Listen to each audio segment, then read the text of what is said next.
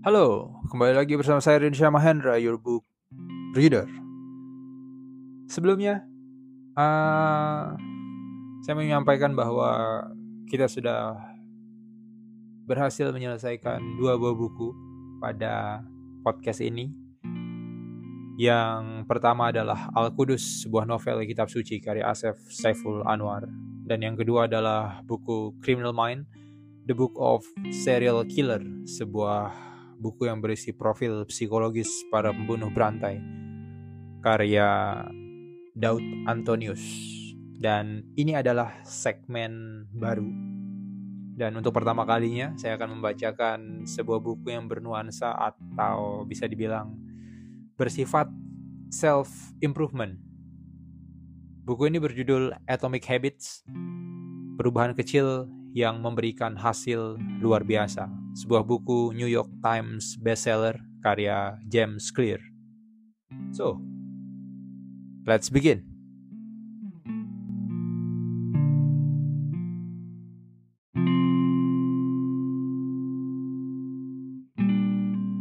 Atomic Habits Pengantar Kisah saya Pada hari terakhir tahun kedua saya di SMA, Tongkat pemukul bisbol menghantam muka saya. Ketika seorang teman mengambil giliran memukul, tongkat pemukul terlepas dari tangannya dan terbang ke arah saya sebelum menghantam langsung ke bagian di antara kedua mata saya. Saya tidak punya ingatan tentang peristiwa benturan yang dahsyat itu. Tongkat pemukul itu menghantam muka saya begitu kuat sehingga hidung saya berubah bentuk menjadi seperti huruf U Benturan itu membuat jaringan lunak otak saya terempas ke dinding dalam tengkorak saya. Dalam seketika, pembengkakan langsung menyebar ke seluruh kepala. Dalam sepersekian detik, hidung saya patah, ada sejumlah fraktur tengkorak, dan ada dua serpih kelopak mata yang rontok. Ketika membuka mata, saya melihat orang-orang menatap saya dan memburu untuk memberikan bantuan saya menunduk dan melihat bintik-bintik merah di baju saya. Salah seorang teman kelas membuka kaos dan memberikannya kepada saya. Saya memakainya untuk menyumpat darah yang mengucur deras dari hidung saya. Terguncang dan bingung, saya tidak tahu seberapa serius cedera yang saya alami. Guru saya merangkul dan mengajak saya memulai perjalanan panjang dengan berjalan ke klinik sekolah, menyeberang lapangan, menuruni bukit, dan kembali ke gedung sekolah entah berapa orang yang memapah, yang memapah saya. Membuat saya tetap tegak. Kami berjalan pelan-pelan, tidak ada yang sadar bahwa setiap menit dalam situasi ini sangatlah penting. Setiba di klinik sekolah, perawat mengajukan serangkaian pertanyaan. Tahun berapa ini? 1998, jawab saya.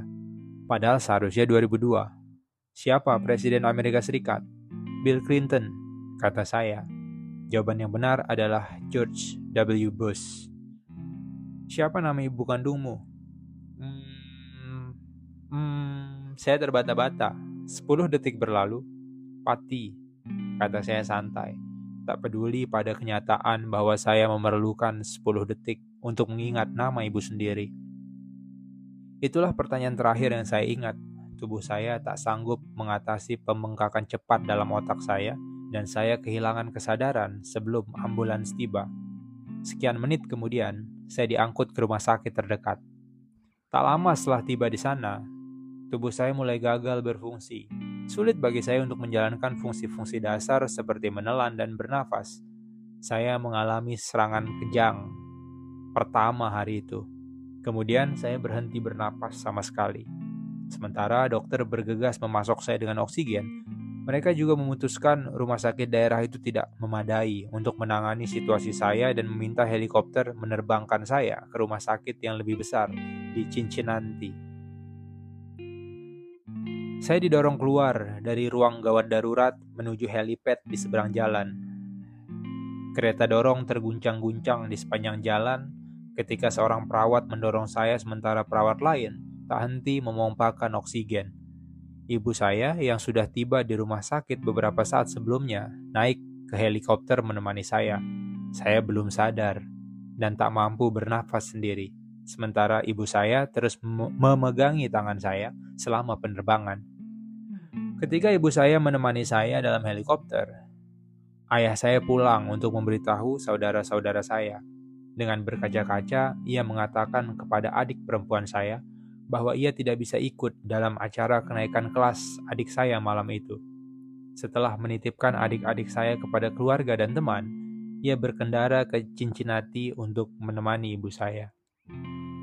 Ketika saya dan ibu saya mendarat di rumah sakit, sebuah tim terdiri atas hampir 20 dokter dan perawat langsung menjemput saya di helipad dan mendorong saya ke trauma unit. Saat itu, pembengkakan di otak saya telah begitu parah sehingga saya berulang kali mengalami kejang. Tulang hidung saya perlu diperbaiki, tapi kondisi saya tidak mendukung untuk menjalani operasi. Setelah sekali lagi mengalami kejang, pada hari ketiga, saya sengaja dibuat koma dan bernafas dengan menggunakan bantuan ventilator. Orang tua saya bukan pertama kali ke rumah sakit ini. Sepuluh tahun sebelumnya, mereka datang ke gedung yang sama di lantai dasar setelah adik perempuan saya didiagnosis menderita leukemia pada usia tiga tahun. Saya lima tahun kala itu. Adik laki-laki saya baru enam bulan. Setelah dua setengah tahun menjalani kemoterapi, pengambilan cairan tulang belakang, dan biopsi sumsum, -sum, adik perempuan saya akhirnya keluar dari rumah sakit dengan bahagia, sehat, dan bebas dari kanker. Dan sekarang, setelah 10 tahun menjalani hidup normal, orang tua saya harus kembali ke tempat yang sama bersama anak yang berbeda. Sementara saya sengaja dibuat koma, rumah sakit mendatangkan rohaniawan dan pekerja sosial untuk menghibur orang tua saya. Ia orang yang sama yang pernah menemui mereka 10 tahun lalu setelah tahu adik saya menderita kanker. Ketika siang berubah menjadi malam, beberapa mesin membuat saya tetap hidup. Orang tua saya berusaha tidur di karpet rumah sakit. Mereka sangat kelelahan, tapi bolak-balik terbangun dengan rasa cemas. Belakangan, ibu saya bercerita itu malam paling buruk yang pernah kualami. Sembuh. Syukurlah, esok paginya saya mampu bernafas lagi sampai ke tingkat yang membuat para dokter berani melepaskan saya dari kondisi koma. Ketika akhirnya kesadaran saya kembali, ternyata saya kehilangan kemampuan mencium bau. Sebagai uji, seorang perawat meminta saya meniup dengan hidung, kemudian mengendus sekotak jus apel. Indra penciuman saya kembali, tapi yang di luar dugaan. Aksi mengembus nafas kuat-kuat ternyata memaksa udara menembus bocor pada tulang kelopak mata dan mendorong mata kiri saya keluar. Bola mata saya keluar dari rongga orbitalnya dan tidak lepas hanya karena masih ada serabut saraf yang menghubungkannya dengan otak. Menurut dokter mata, bola mata saya perlahan-lahan akan kembali ke tempat semula sejalan dengan terlepasnya udara yang terjebak. Tapi entah berapa lama waktu yang diperlukan. Saya dijadwalkan menjalani operasi satu pekan kemudian, yang berarti saya masih harus beristirahat beberapa waktu lagi. Saya seperti petinju yang bawa belur dalam turnamen tinju, tapi saya boleh meninggalkan rumah sakit. Saya pulang dengan hidung patah, belasan fraktur pada wajah dan mata kiri yang nyaris lepas. Bulan-bulan berikutnya terasa sulit, rasanya seolah-olah segala sesuatu dalam hidup ditunda sejenak. Selama beberapa pekan, penglihatan saya ganda dan saya secara harfiah tidak bisa melihat lurus ke depan. Sebulan lebih kemudian, bola mata saya akhirnya kembali ke posisi normalnya. Karena kadang masih kejang-kejang dan penglihatan masih bermasalah, delapan bulan kemudian, saya baru dapat mengendarai mobil lagi saat fisioterapi saya melatih pola-pola motorik dasar seperti berjalan, mengikuti garis lurus, saya bertekad tidak membiarkan kecelakaan itu meruntuhkan semangat saya. Tapi tak jarang saya merasa tertekan dan sangat galau. Perih sekali rasanya ketika sadar betapa jauh jalan yang harus saya tempuh untuk kembali ke lapangan bisbol satu tahun kemudian.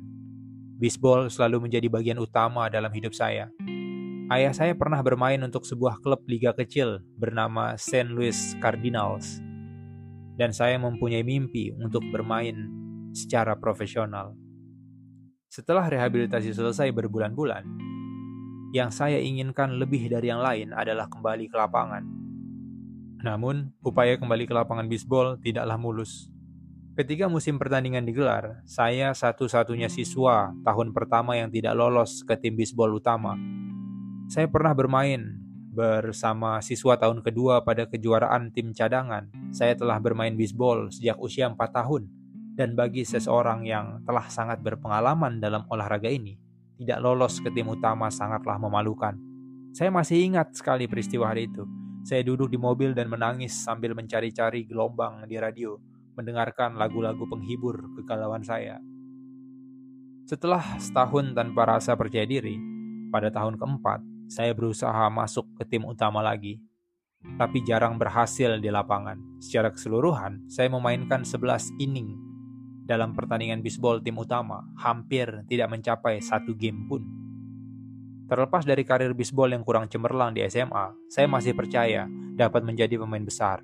Dan saya tahu Supaya segalanya membaik, sayalah satu-satunya yang bertanggung jawab untuk mewujudkannya.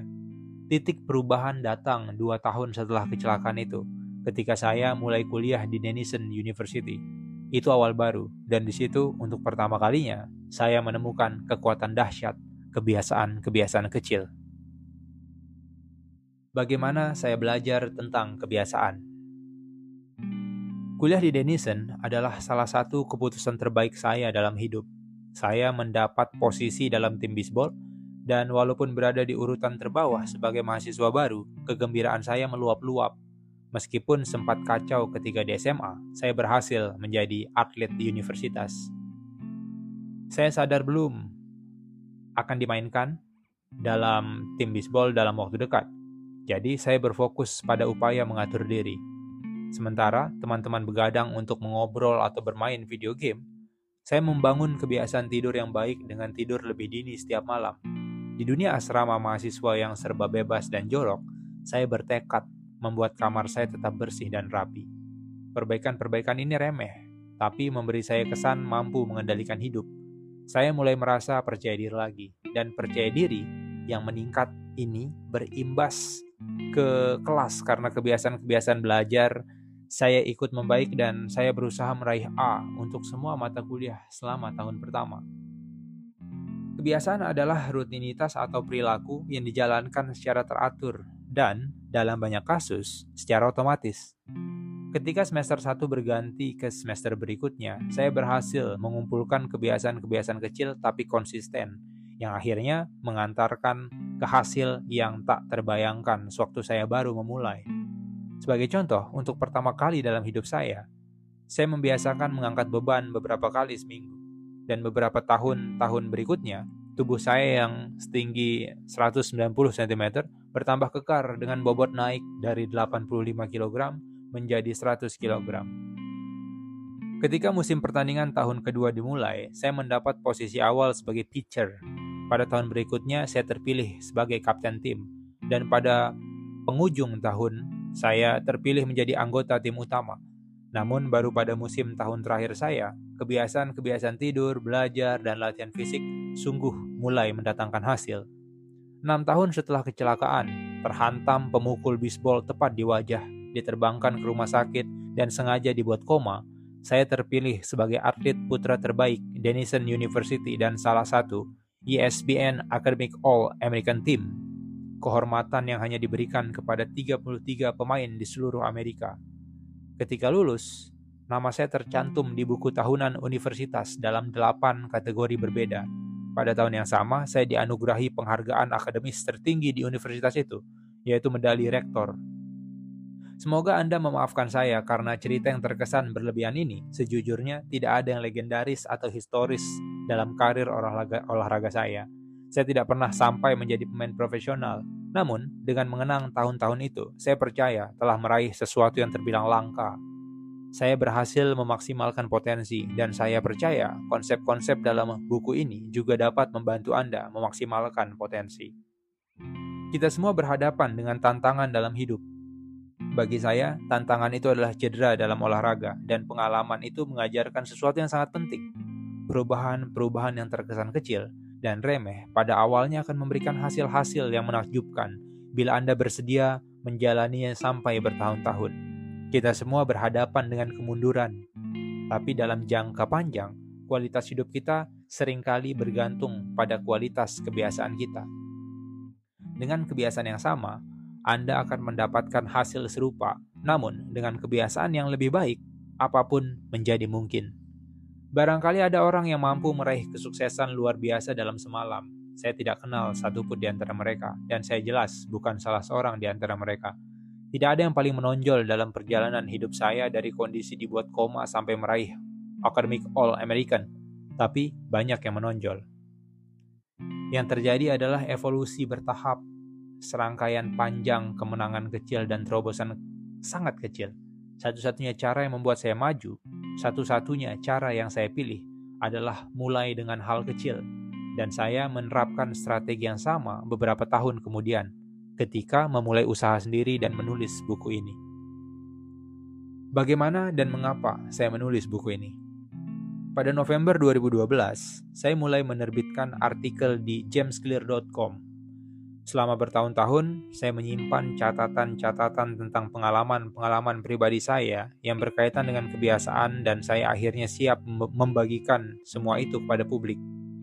Saya mulai dengan menerbitkan artikel baru setiap Senin dan Kamis. Dalam beberapa bulan, kebiasaan menulis yang sederhana ini membuat saya mendapatkan seribu pelanggan email pertama – dan pada akhir 2013 angka itu naik menjadi lebih dari 30 ribu orang. Pada 2014, daftar email saya berkembang ke lebih dari 100 ribu pelanggan yang menjadikannya salah satu newsletter dengan pertumbuhan paling cepat di internet.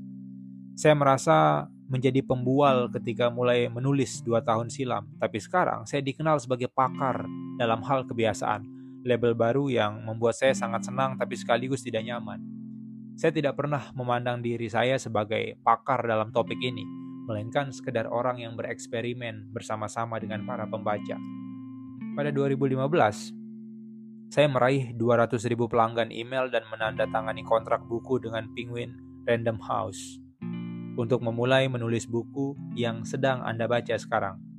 Ketika audiens saya bertambah, begitu pula peluang bisnis saya saya lebih banyak diminta berceramah di perusahaan-perusahaan terkemuka tentang ilmu pembentukan kebiasaan, perubahan perilaku, dan perbaikan yang terus-menerus. Saya menjadi pembicara utama pada konferensi-konferensi di Amerika Serikat dan Eropa.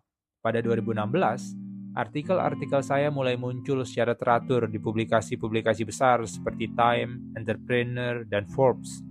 Yang menakjubkan, tulisan saya dibaca oleh lebih dari 8 juta orang tahun itu. Pelatih-pelatih di NFL, NBA, dan MLB mulai membaca karya saya dan membagikannya kepada tim-tim mereka. Pada awal 2017, saya meluncurkan Habits Academy yang menjadi landasan pelatihan perdana bagi organisasi-organisasi dan individu-individu yang tertarik membangun kebiasaan-kebiasaan yang lebih baik dalam hidup dan pekerjaan. Perusahaan-perusahaan yang termasuk Fortune 500 serta Usaha-usaha rintisan yang baru tumbuh mulai merekrut pemimpin dan melatih staf. Secara keseluruhan lebih dari 10.000 pemimpin, manajer, pelatih, dan guru telah digembleng oleh Habits Academy. Dan karya saya bersama mereka telah mengajarkan banyak sekali kepada saya tentang apa yang diperlukan untuk membuat kebiasaan-kebiasaan tersebut berhasil di dunia nyata.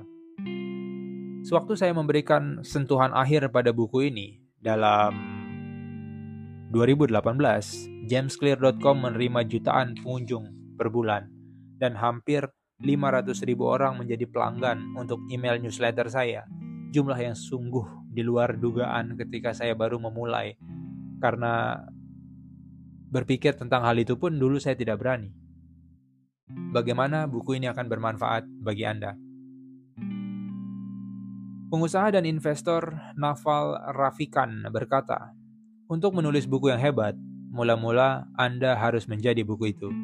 Saya mulai mengetahui gagasan-gagasan yang disebutkan di sini karena saya terpaksa mempraktikannya. Saya harus mengandalkan kebiasaan-kebiasaan kecil untuk bangkit dari cedera, agar menjadi lebih kuat secara fisik, agar dapat tampil berprestasi di lapangan, agar dapat menjadi penulis, agar dapat membangun bisnis yang sukses, dan sekarang untuk berkembang menjadi orang dewasa yang bertanggung jawab.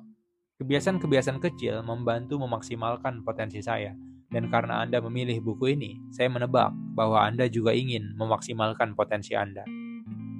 Di halaman-halaman mendatang, saya membagikan rencana selangkah demi selangkah untuk membangun kebiasaan yang lebih baik, bukan untuk beberapa hari atau minggu, tapi seumur hidup.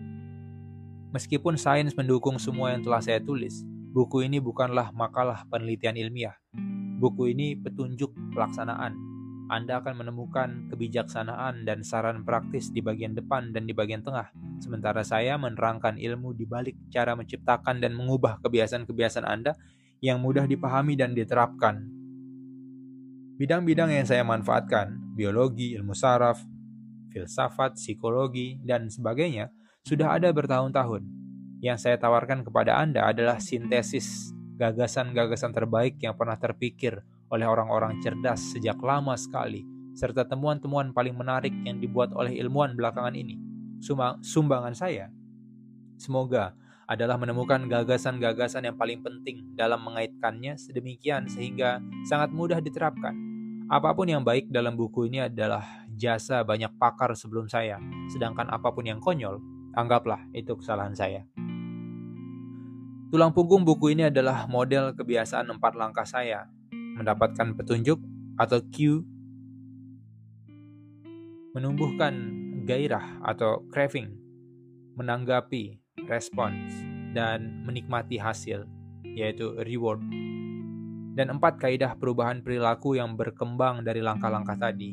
Pembaca yang berlatar belakang psikologi mungkin mengenali sebagian istilah ini dari operant conditioning, yang pertama kali didadilkan sebagai stimulus, response, and reward oleh B.F. Skinner pada 1930-an dan belum lama ini dipopulerkan sebagai cue, routine, and reward dalam The Power of Habit oleh Charles Duhigg. Ilmuwan perilaku seperti Skinner sadar bahwa jika menawarkan ganjaran yang tepat, Anda dapat membuat orang beraksi dengan cara tertentu. Namun, meskipun model Skinner sungguh memberikan hasil yang istimewa dalam menerangkan bagaimana rangsangan dari luar mempengaruhi kebiasaan kita, model itu belum cukup menjelaskan bagaimana pikiran, perasaan, dan keyakinan kita berdampak terhadap perilaku kita. Kondisi-kondisi ini uh, yang berupa internal, misalnya suasana hati dan emosi, juga penting. Dalam dasar-wasa lalu, ilmuwan mulai menentukan hubungan antara pikiran, perasaan, dan perilaku kita. Penelitian ini juga dibahas dalam buku ini. Secara keseluruhan, kerangka yang saya tawarkan adalah model terpadu antara ilmu kognitif dan ilmu perilaku. Saya percaya ini salah satu model pertama perilaku manusia yang dapat menjelaskan dengan tepat pengaruh rangsangan eksternal dan emosi internal terhadap kebiasaan kita. Sementara, ada istilah yang terasa akrab. Saya percaya bahwa hal-hal terperinci dan penerapan empat kaidah perubahan perilaku akan menawarkan cara baru untuk membentuk kebiasaan-kebiasaan Anda. Perilaku manusia selalu berubah dari situasi ke situasi, dari saat ke saat, dari detik ke detik. Namun, buku ini bicara tentang yang tidak berubah. Buku ini membahas dasar-dasar perilaku manusia, prinsip-prinsip abadi yang dapat Anda andalkan dari tahun ke tahun, gagasan-gagasan yang dapat Anda pakai untuk melandasi bisnis, keluarga, dan hidup Anda. Tidak ada cara tunggal untuk menciptakan kebiasaan yang lebih baik, tapi buku ini menjelaskan dengan cara terbaik yang saya ketahui pendekatan yang akan efektif. Tak peduli di mana Anda memulai atau apa yang sedang ingin Anda ubah. Strategi yang saya bahas relevan bagi siapa pun yang mencari sistem selangkah demi selangkah untuk perbaikan. Entah sasaran Anda adalah kesehatan, keuangan, produktivitas, hubungan, atau semuanya. Selama terkait dengan perilaku manusia, buku ini akan menjadi panduan Anda. Sekian. Berikutnya, kita akan masuk ke bagian dasar-dasar mengapa perubahan sangat kecil menghasilkan perbedaan besar. Bab 1, dahsyatnya kekuatan atomic habits. Sekian, see you on next episode. Bye.